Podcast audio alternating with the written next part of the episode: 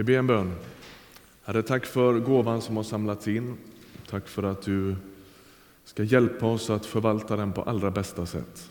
Vi ber att ditt rike ska vinna på de resurser som har samlats in idag. Amen.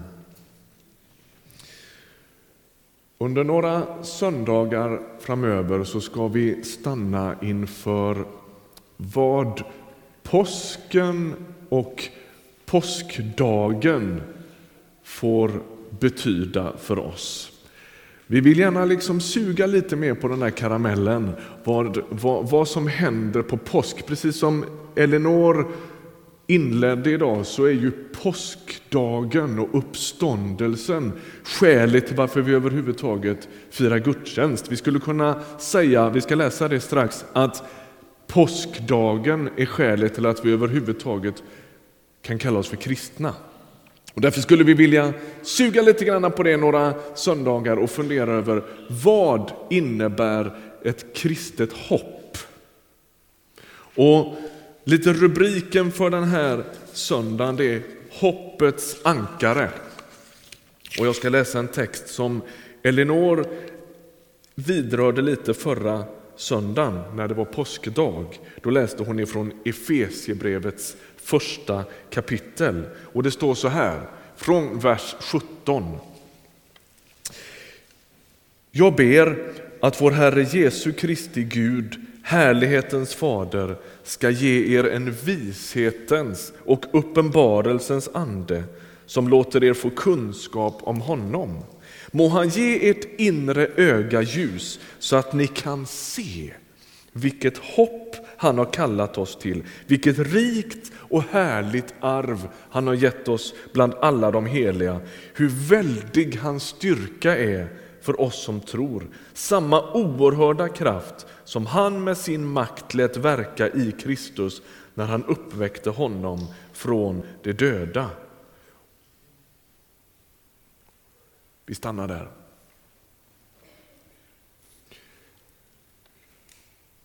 Vi ska prata om hopp.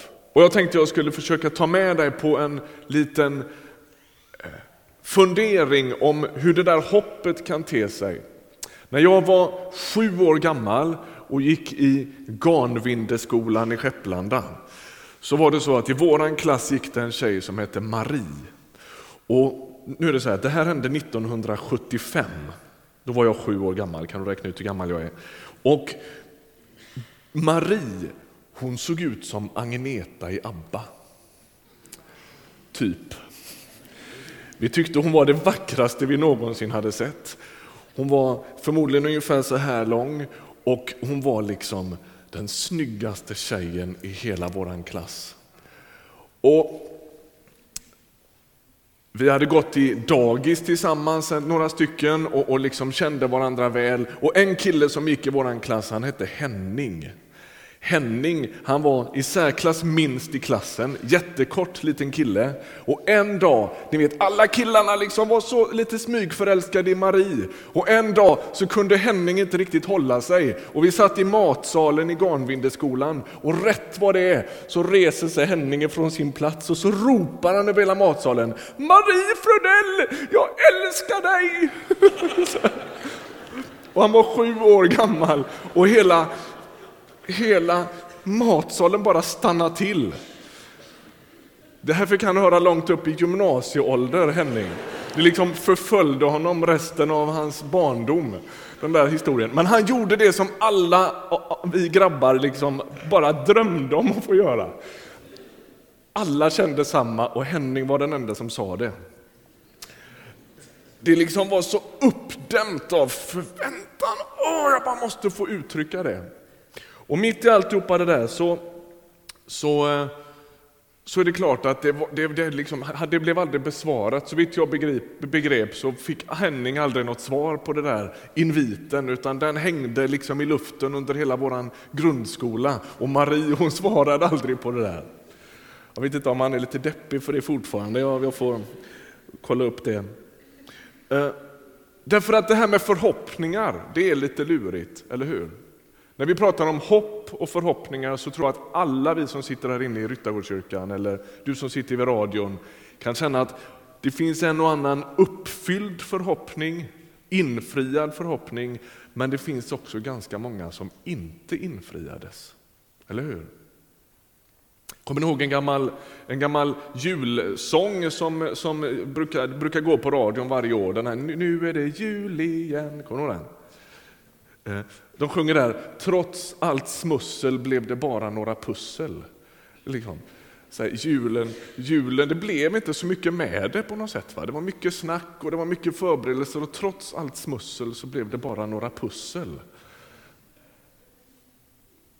Och den överförfriskade morbrodern som kommer dit och liksom, det, det spårar ur lite sådär. Och allt det där som man hoppades på, det blev liksom, kunde sammanfattas i några pussel. Kanske du har varit med om att sätta ditt hopp till något som inte riktigt uppfylldes. Det kanske är allvarligare än så. Det kanske handlar om dina studier. Det kanske handlar om en presumtiv livskamrat, en pojke eller flickvän som, som det liksom blev inte riktigt som du hoppades. Det gick sönder. Det nya jobbet, när du tänkte allt skulle ju bli så bra och så blev det kanske inte det. Ehm, ja, du förstår. Alla de där förväntningarna och förhoppningarna, vad blev det av det? Och grejen är ju att tillvaron är både vacker och ful samtidigt. Vi lever i en tillvaro som är full av brist, allt möjligt som vi möter minner oss om Gud. Eller hur? En sån här vårdag så finns det massvis med, med liksom, saker som påminner om att Gud finns. Men det finns också ständigt en sorts brist. Eller hur? Tillvaron är full av brist. Det är både vackert och fult på samma gång. Vad du och jag än sätter vårt hopp till i den här världen så är det bristfälligt. Det kan ju vara så här att du rent av har tappat hoppet rent allmänt. Vad hoppas man på egentligen? Vad ska man liksom drömma om? Det kan ju vara så att du har hamnat i en sorts återvändsgränd och känner ah, jag vet inte om jag vågar drömma och hoppas.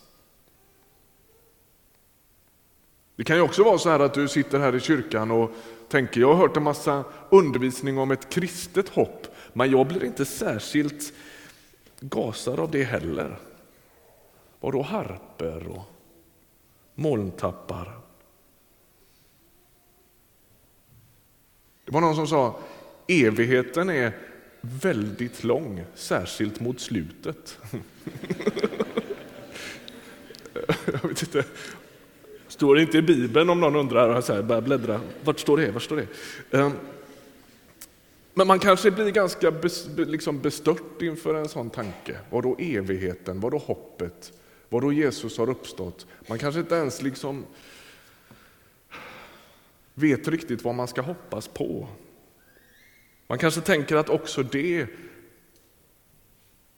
kan summeras i trots allt smussel blev det bara några pussel. Vad, vad, vad, vad är ett kristet hopp? Egentligen. Det är grejen vi ska fundera över några veckor framöver. Ibland när den kristna kyrkan har pratat om hopp så, så har man kanske uppehållit sig vid allt för många detaljer och det har varit lite svårt att se den stora bilden. Det kan ibland ha varit ganska spekulativt, man har slagit fast med liksom en fas att exakt så här kommer det att gå till och i den här ordningen och på det här klockslaget och, och sådär. Och så har man liksom hört det där och blivit lite fundersam. Kan det verkligen vara så att den här predikanten är så säker på det, den förre var ju säker på motsatsen. Och så missar man liksom den stora bilden därför att man gå vilse på något sätt. Och då blir den stora frågan, var i får mitt hopp sitt fäste? Det är frågan. Alltså, vad är det vi hoppas på? Är det, är det ett hopp som är något värt så måste det ju fästa någonstans, eller hur? Alltså, ett kristet hopp är inte någon sorts allmän positiv livssyn. Det handlar inte om att vara optimist, det ordnar sig nog till sist. Utan det finns ett mycket, mycket starkare fäste för ett kristet hopp. Ungefär som ett ankare Det är ett ankare på bilden där om det är svårt att se. Om du ska ankra en båt så måste det fästa i något. Och om du ska ankra ditt liv i något slags hopp så måste ditt livs ankare fästa i något som håller. Eller hur? Annars är det ju bara någon sorts verklighetsflykt eller någon sorts allmän liksom, hurtig optimism. Och när vi läste den här texten från Efesierbrevet 1 så kopplar Paulus som har skrivit den här texten ihop vårt hopp med frågan om Jesu uppståndelse. Han säger samma kraft som verkade när Jesus uppstod från de döda rör sig i våra liv. Smaka lite på det. Samma kraft som verkade när Jesus uppstod från de döda rör sig i våra liv och i vår gemenskap. Det är ett ganska anmärkningsvärt påstående. Tänk om det är sant. Tänk om det är sant. Och, och Paulus han säger att vårt hopp väldigt tydligt kopplat till Jesu uppståndelse. Nu ska vi läsa ur ett, en av de mest centrala texterna i Nya testamentet som handlar om uppståndelsen, som står i första Korintierbrevets femtonde kapitel. Det är också Paulus som skriver. Om du hittade till Efesiebrevet så gå vänster lite grann. Lite tidigare så hittar du första och andra Korintierbrevet. I första Korintierbrevets femtonde kapitel så, så skriver Paulus om uppståndelsen. Om du liksom får en stund över fram på dagen idag, så läs det kapitlet. Det är grymt bra. Grymt bra. Vi ska läsa delar av det. Vi börjar i vers 16. Och bakgrunden innan vi läser, den är att det rör sig en massa rykten och idéer och, och liksom florerar en massa eh, uppfattningar om hur man ska förstå det här med uppståndelsen. Och en del människor i den kristna kyrkan i Korint är osäkra på om det här med Jesu uppståndelse verkligen har hänt. Och Paulus han argumenterar på följande sätt, vers 16. Om inga döda uppstår har heller inte Kristus uppstått. Men om Kristus inte har uppstått, då är er tro meningslös och ni är ännu kvar i era synder. Då är också de som har avlidit i tron på Kristus förlorade. Gäller vårt hopp till Kristus bara detta livet, då är vi de mest ömkansvärda bland människor. Men nu har Kristus uppstått från de döda, som den första av de avlidna. Ty eftersom döden kom genom en människa kommer också uppståndelsen från de döda genom en människa. Liksom alla dör genom Adam ska också alla få nytt liv genom Kristus. Men i tur och ordning, först Kristus och därefter vid hans ankomst de som tillhör honom. När Jesus uppstår så betonar Nya testamentet gång efter gång, både i evangeliernas liksom ögonvittnesskildring och i undervisningen som följer, att det där är en fysisk uppståndelse. Att Jesus verkligen uppstår med sin kropp.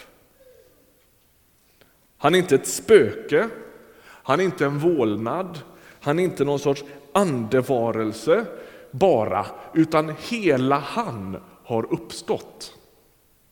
Hela han uppstår ur graven och gravkammaren där Jesus tidigare har legat är helt tom.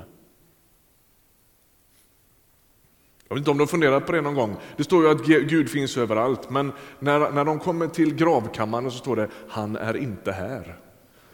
Det är det enda stället där han inte är. Så är det. Jesus uppstod och så bevisar han därmed inte bara vem han själv är, utan han ger en garanti för att de som tillhör honom ska uppstå på samma sätt. Det är vad vi läste här, eller hur? I Paulustexten här. Att de som tillhör honom ska uppväckas på samma sätt som Gud uppväckte Jesus.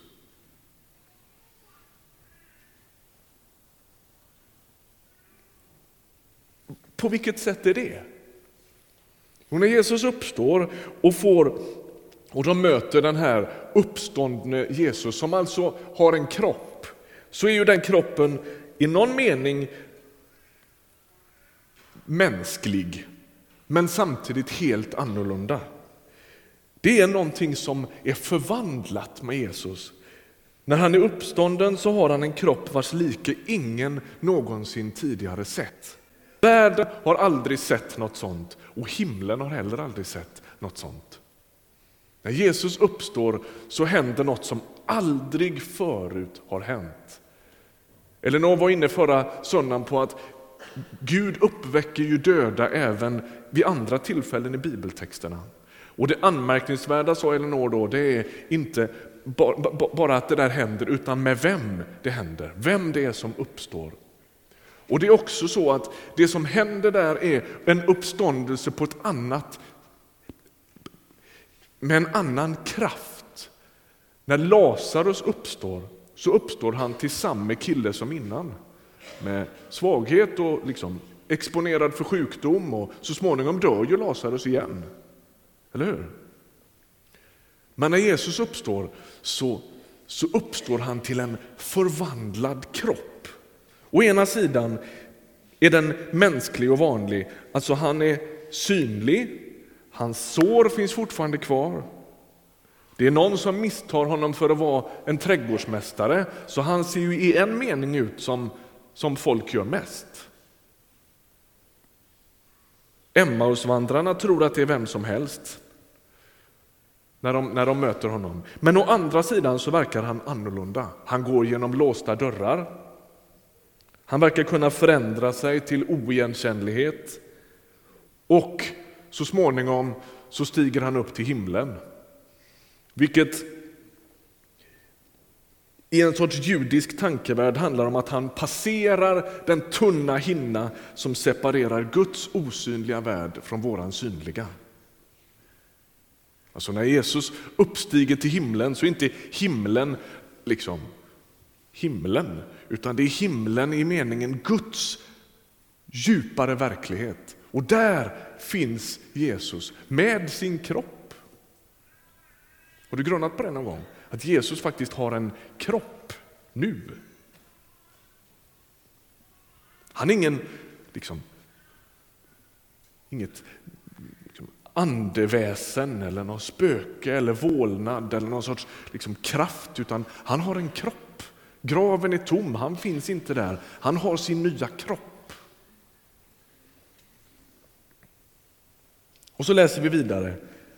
Första Korintierbrevet 15, uppståndelsekapitlet. Vi läser från vers 35. Så står det så här. Nu undrar någon, hur uppstår de döda? Hurdan kropp har de när de kommer? Vilken enfaldig fråga! Det du sår får inte liv om det inte dör. Och när du sår är det inte den blivande växten du sår, utan ett naket sädeskorn eller något annat frö. Men Gud ger det den gestalt som han har bestämt, och varje frö får sin egen gestalt. Och så fortsätter vi i vers 42. Så är det också med de dödas uppståndelse. Det som blir sått förgängligt uppstår oförgängligt. Det som blir sått föraktat uppstår i härlighet. Det som blir sått svagt uppstår fullt av kraft. Det som blir sått som en kropp med fysiskt liv uppstår som en kropp med ande. Finns det en kropp med fysiskt liv så finns det också en med ande. Och så står det skrivet, den första människan, Adam, blev en varelse med liv, men den sista Adam blev en ande som ger liv. Det andliga kommer alltså inte först, utan det fysiska. Därefter kommer det andliga. Den första människan kom från jorden och var jord. Den andra människan kom från himlen. Som den jordiska var, så är också de jordiska. Och så lyssna nu. Och som den himmelska är, så är de himmelska. Liksom vi blev en avbild av den jordiska ska vi också bli en avbild av den himmelska. Känn på den. Va? Vad stod det här? Jo, att den första Adam, alltså Adam som i Adam och Eva, när han syndar så märks hela mänskligheten av det. Så, mänskligheten bär på syndafallets smitta. Och så kallar Paulus, kallar Paulus Jesus för den andra Adam. Han kallas för den andra Adam. Och när, när Jesus uppstår från, från de döda så börjar liksom den andra Adams tid. Om den första Adam märkte alla sina liksom, släktingar och liksom, eh, senare avkomlingar så att säga, med, med syndens smitta, så kommer Jesus och blir den andra Adam och alla märks av honom. Va? Det betyder att när Jesus uppstår från de döda så beskriver Paulus det som att han är den första som gör det. Men så småningom så ska vi bli en avbild av honom. Vi ska bli som han. Va? Det är inte så dumt. Och så använder Paulus bilden av ett frö och så säger han, för grejen är den här, De kristna i Korint de lever med två stycken olika strömningar kan man säga, två starka idéer. Den ena är en judisk idé om att uppståndelse, uppståndelsen är, liksom, kommer att inträffa, men man uppstår till en likadan kropp som man hade innan. Den andra är en grekisk filosofisk idé som handlar om att det är bara själen som är odödlig. Och så undrar de lite vilket är rätt och Paulus han liksom beskriver att det går inte till på riktigt något av de sätten utan vi dör som ett frö.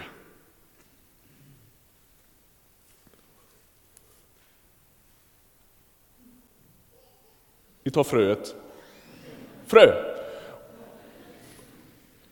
Och så läggs vi i jorden och så uppstår vi så småningom till härlighet, säger han. Alltså det är ingen som sår hela trän. Eller hur? Man gräver inte ner ett helt träd i jorden, utan man gräver ner ett frö. Och så säger han att på samma sätt kommer det att bli... Alltså, vårt hopp handlar om att när vi bryts ner, när våran, vårat liv är märkt av svaghet, vi grävs ner i jorden bokstavligen för att uppstå till något som Gud har tänkt. Är du med? Han uppstår, graven är tom och, och, och Bibeln kallar det för att det är en förstlingsfrukt. Vilket gång efter annan är en bild för att om, om, om det har hänt med en så ska det hända med alla. Alltså när Jesus uppstår så, så är det en sorts hälsning till hela världen att den som tillhör honom ska uppstå på samma sätt.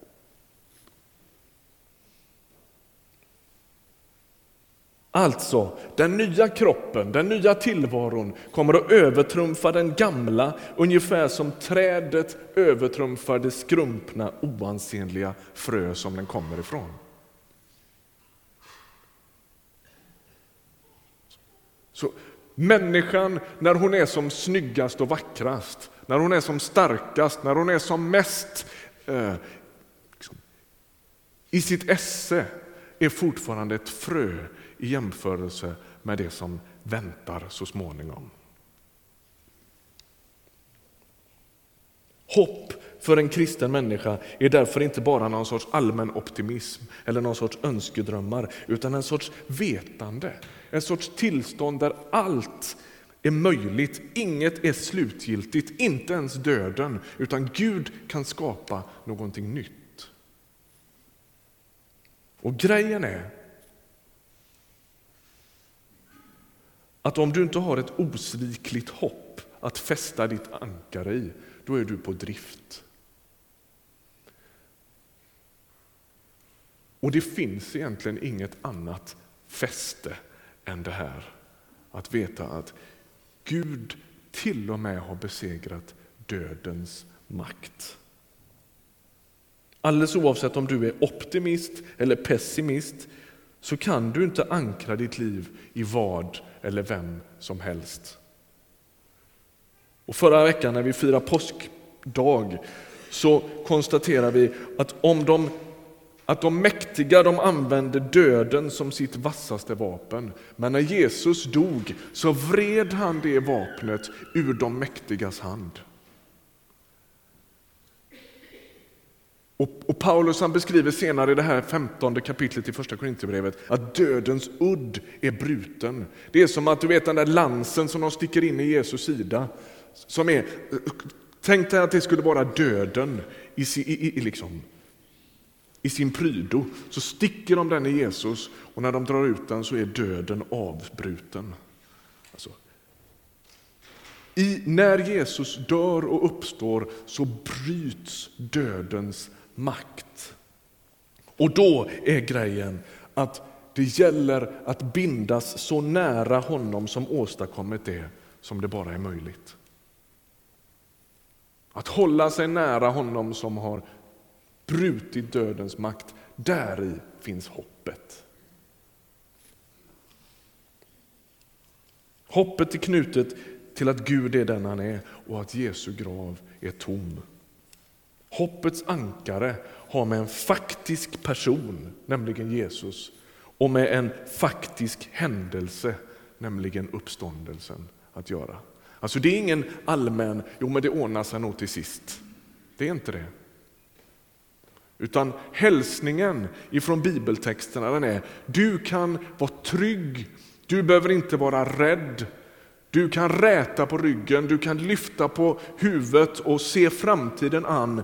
Inte för att det kanske förhoppningsvis ordnar sig till sist, utan för att graven är tom. Det, det har hela sin bärighet i en faktisk händelse. Och Därför är det för Paulus viktigt, man kan inte säga jo men Jesus kanske har uppstått i, i, i någon sorts bildlig mening. I så fall har han inte det. Antingen har han det eller också har han inte det. Och för Paulus är det glasklart, om det inte har hänt, då finns det ingen som är så blåst som en kristen. Ingen är så lurad, ingen är så dragen vid näsan som en kristen om inte graven är tom. Då borde vi gå hem allihop. Stanna inte ens och fika, bara gå hem. Så är det. Och så säger han, men nu har han det. Nu har han det. Och det ändrar allt.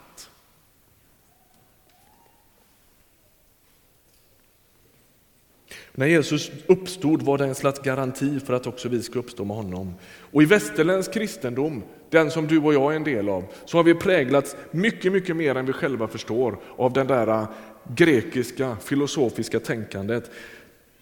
Där exempelvis Platon, filosofen, såg en vision av själar som trädde in i en sorts kroppslös tillvaro. Vi är mycket, mycket mer präglade av det än vad vi själva förstår.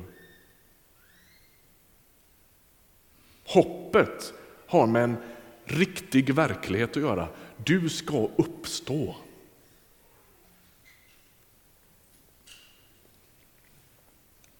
Bibeln talar om kroppets uppståndelse, om nya himlar och en ny jord. Det kommer att vara en högst påtaglig tillvaro. Det ska vi prata om de närmaste söndagarna, vad det skulle kunna vara. Slutligen, vad får det här för konsekvenser för dig? Vad ska vi göra med det här nu då? Det ena är att du bör vara nykter i förhållande till allt du är med om. Den här världen, mitt i alla förhoppningar vi kan knyta till den, mitt i alla drömmarna som du ska ha, så ska du ändå vara medveten om att världen så som den ser ut är bristfällig.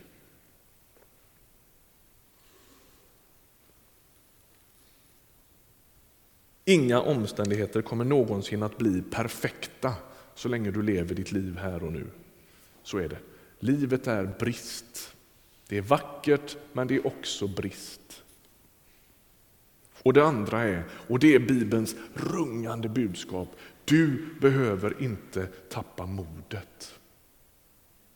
Du vet de här texterna som är skrivna i Nya Testamentet, de är inte i första hand till för analys och, och, och liksom att visa filurer ska sitta och lägga pannan i djupa veck. Det här är kampskrifter till kämpande människor som tror att de ska tappa sugen, som är rädda för att tappa modet, som inte vet om det är värt det, som pliktar med sitt liv, som, som lyder under en massa, en massa djävulska system som de inte vet hur de ska förhålla sig till. Och Det här är kampskrift som säger Jesus har uppstått, tappa inte modet.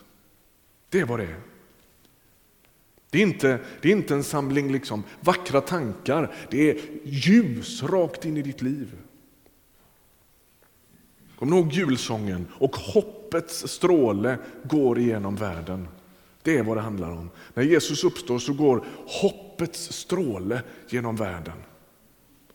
Och Jag hoppas att du liksom hör det, att du uppfattar det idag. Det är inte kört.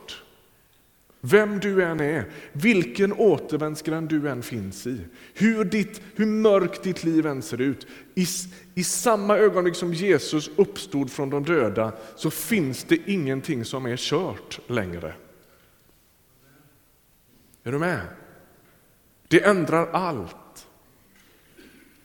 Det finns alltid skäl att hoppas.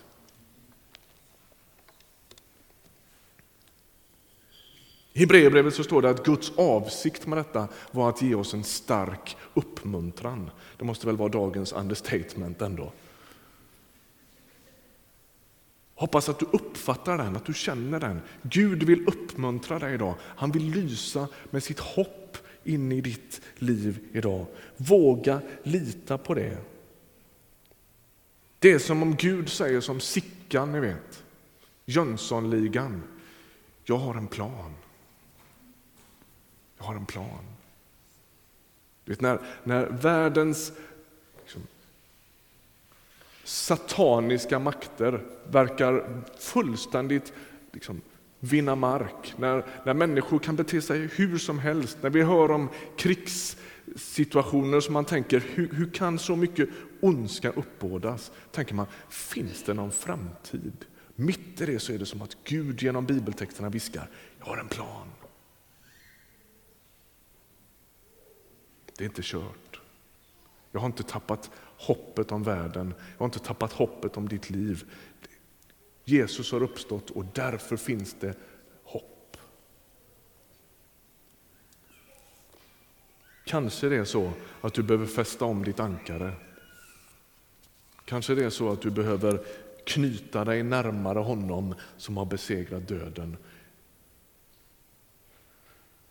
En teolog som heter Agne Norlander han har sagt så här, ju mer bundna vi blir vid Jesus, desto friare blir vi i förhållande till allt annat. Det är bra sagt. Kanske det är så, om du är rädd för döden, om du är rädd för framtiden, om det, liksom det är som att fruktan bara regerar ditt liv. Bind dig nära Jesus. Den enda som faktiskt kunde bryta dödens udd. Ska vi be en bön? Herre, tack för att du är här. Tack för att du hälsar rakt in i våra liv. Att du vill oss väl. Att dödens udd är bruten, att dödens makt är krossad. Att ondskan inte kommer att få sista ordet, att du kommer att få sista ordet. Tack för att du rör dig här i våran mitt.